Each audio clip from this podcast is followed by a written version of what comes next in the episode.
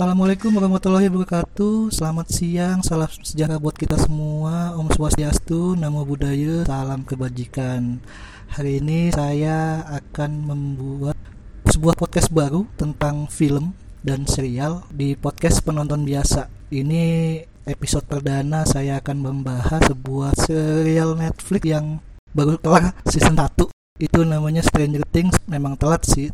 Pengen gue kulik dan gue review langsung aja Stranger Things. Kalau ngeliat di awal itu uh, kayak kembali ke tahun 80-an yang ya secara pribadi gue nonton Reply 1988 nonton Stranger Things kayaknya all about 80s tuh kayaknya nempel banget gitu. Kayak di episode pertama tuh lu ngeliat anak laki-laki pakai sepeda terus mengembara dengan uh, genre yang science fiction itu kayak balikin ke zaman zamannya E.T. ekstraterestrial terus Back to the Future It yang uh, dengan monster Pennywise-nya uh, dengan situasi rumahnya dengan kendaraannya dengan pakaiannya dengan pop culture-nya itu kayak uh, sutradaranya ini dan penulis naskahnya ini nih, serta whole package-nya itu dapat gitu loh soal etisnya itu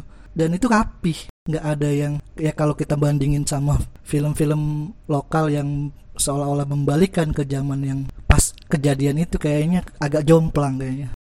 Dan ini di serial Stranger Things ini emang gue rasa sih gue menikmati sangat itu. Dan ini gue rekomend buat nonton. Ini yang gue bicarain ini soal ambience atau tone tone yang 80s banget yang seolah-olah uh, mash up itu kayak gabungan antara poltergeist-nya ada monster ini ngomong season 1 ya ada monster ada sci-fi ada teknologi juga ada E.T.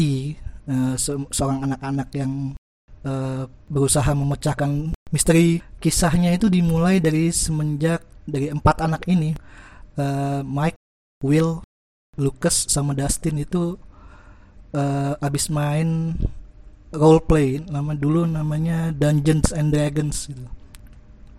Pulangnya Will ternyata hilang.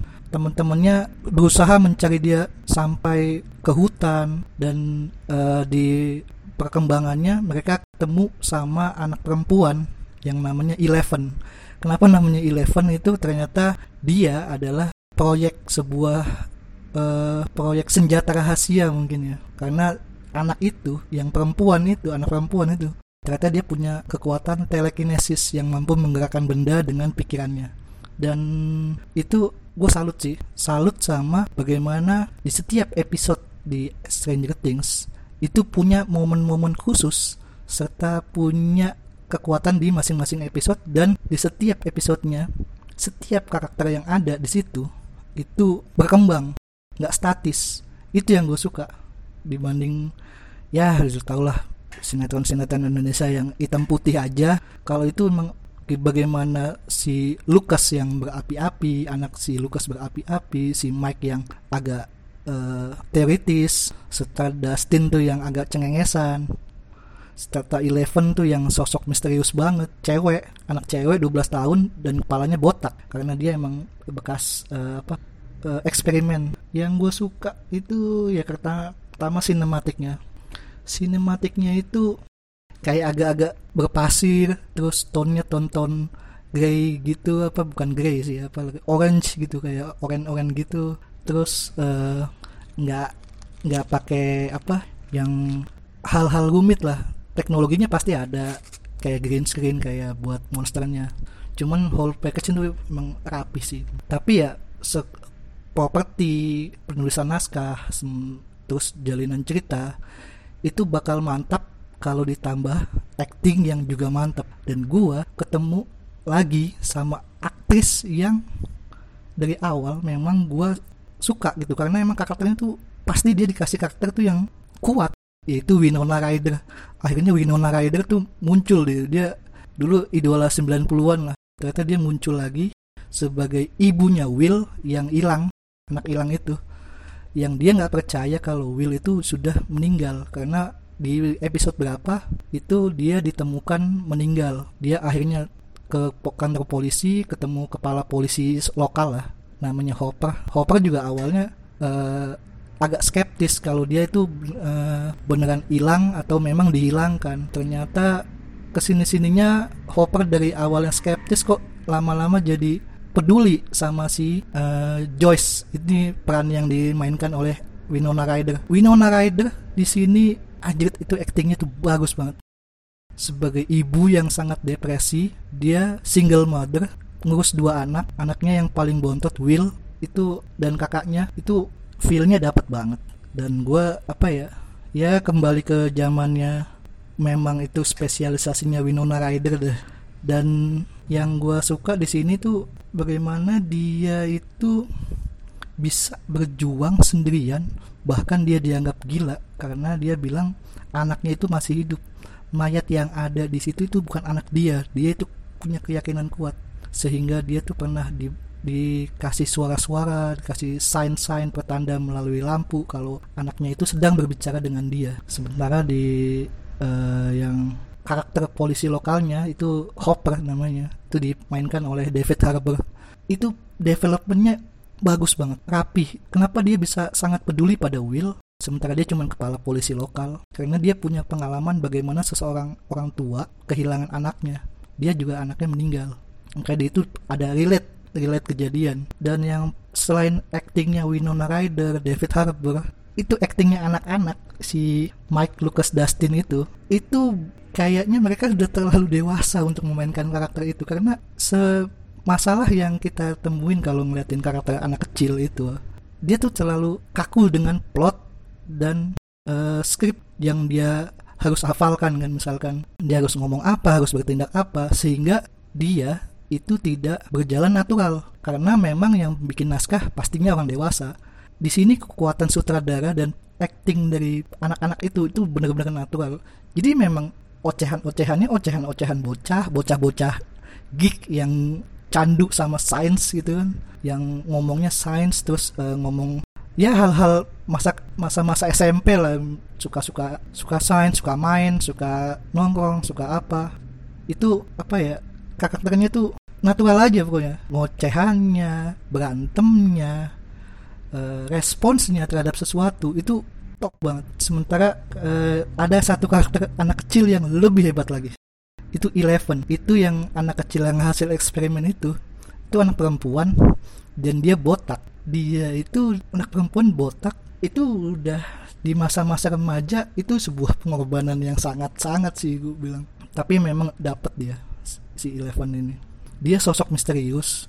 Dia bisa kaku loh, bisa kaku dan dia bisa kayak kehilangan uh, apa jati diri. Dia bahasanya kaku karena dia emang disekap selama ini oleh sebuah uh, kalau dibilang konspirasi Departemen Energi Amerika lah itu. Untuk waktu itu masa perang dingin uh, Amerika Rusia kebetulan settingnya itu uh, tahun 1983 di Indiana kota kecilnya Hawkins namanya. Ini gue gue suka banget sama karakter Eleven bener ya kalau kita ngeliat film-film lokal yang menyamai dia sih agak susah sih sebenarnya. Dan yang gue paling suka dalam setiap uh, episode Stranger Things itu karena kita awal kan kita bilang wah ini uh, thriller nih. Dibangunnya di episode 1 thriller nih. Ternyata episode 2 enggak. Episode 2 tuh lebih ke adventure. Mereka dengan Eleven. Kemudian episode 3 beralih ke thriller lagi. Eh ke episode 4 eh episode 3 itu ada kisah-kisah percintaan remaja gitu yang diperankan oleh eh dimainkan oleh Nancy itu kakaknya Mike. Jadi ada empat anak Mike Will Lucas Dustin. Mike itu punya kakak namanya Nancy Will itu punya kakak namanya Jonathan. Si Jonathan itu dia karakternya introvert suka menyendiri dan uh, sering dibully. Sementara Nancy itu kayak ya anak-anak um, perempuan remaja yang populer gitu. Di situ ada perkembangan karakter yang oke okay juga. Dan semua itu pas episode 7 akhirnya bermuara di satu titik bahwa apa yang diomongkan oleh si Joyce ibunya Will dia anaknya Will itu disekap oleh monster. Itu memang setelah pencarian berkali-kali itu ketemu di satu titik. Dan di titik itu mereka tidak menyelesaikan masalah itu secara bersama-sama. Jadi ada tiga ada tiga ada tiga sub konflik lah kalau gue bilang sub konflik. Jadi ada Joyce dan Hopper si kepala polisi lokal sama Joyce Winona Ryder itu bergabung dia masuk ke dunianya monster, dunia paralel yang disebut dengan upside down, sementara anak-anaknya itu bagaimana mereka melindungi Eleven dari kejaran konspirasi yang dibilang Departemen Energi Amerika Serikat itu. Sementara si Nancy sama Jonathan yang awalnya nggak saling suka lama-lama ya tahulah cheat tinlit tinlit gitu akhirnya mulai tumbuh asmara itu e, mereka dengan pertempurannya sendiri menghajar monster yang sama ini apa ya e, punya tiga sub konflik, tiga cerita yang berbeda dengan monster yang sama dan itu tidak bertabrakan dan masing-masing itu punya genre yang masing-masing juga. Yang remaja punya teen lead, yang anak-anak punya adventure, yang ibunya punya thriller, terus semuanya itu digabung dalam uh, genre science fiction. Itu wah kayak kenyang gitu. Nonton itu kayak kenyang gitu. nggak ada yang gantung-gantung, nggak ada yang ya biasalah ada gantung-gantung dikit di akhir-akhir episode final gitu ada aja. Cuman kan uh, biasalah itu kan uh, sebuah trailer trailer lagi buat season 2 gue belum nonton yang season 2 cuman uh, nantilah gue tonton gue bikin reviewnya nanti. Cuman yang untuk yang season 1 yang belum nonton Stranger Things ini highly recommended. Ya kalau gue bilang sih ini top 10 nya serial TV Amerika versi gue lah. Soalnya gue masih top top one nya itu nomor satunya tetap Breaking Bad. Tapi Stranger Things it's highly recommended. Dan I hope you enjoy the review that I make ya udah gitu aja. Mudah-mudahan bisa menghibur kalian semua. Sekian, terima kasih.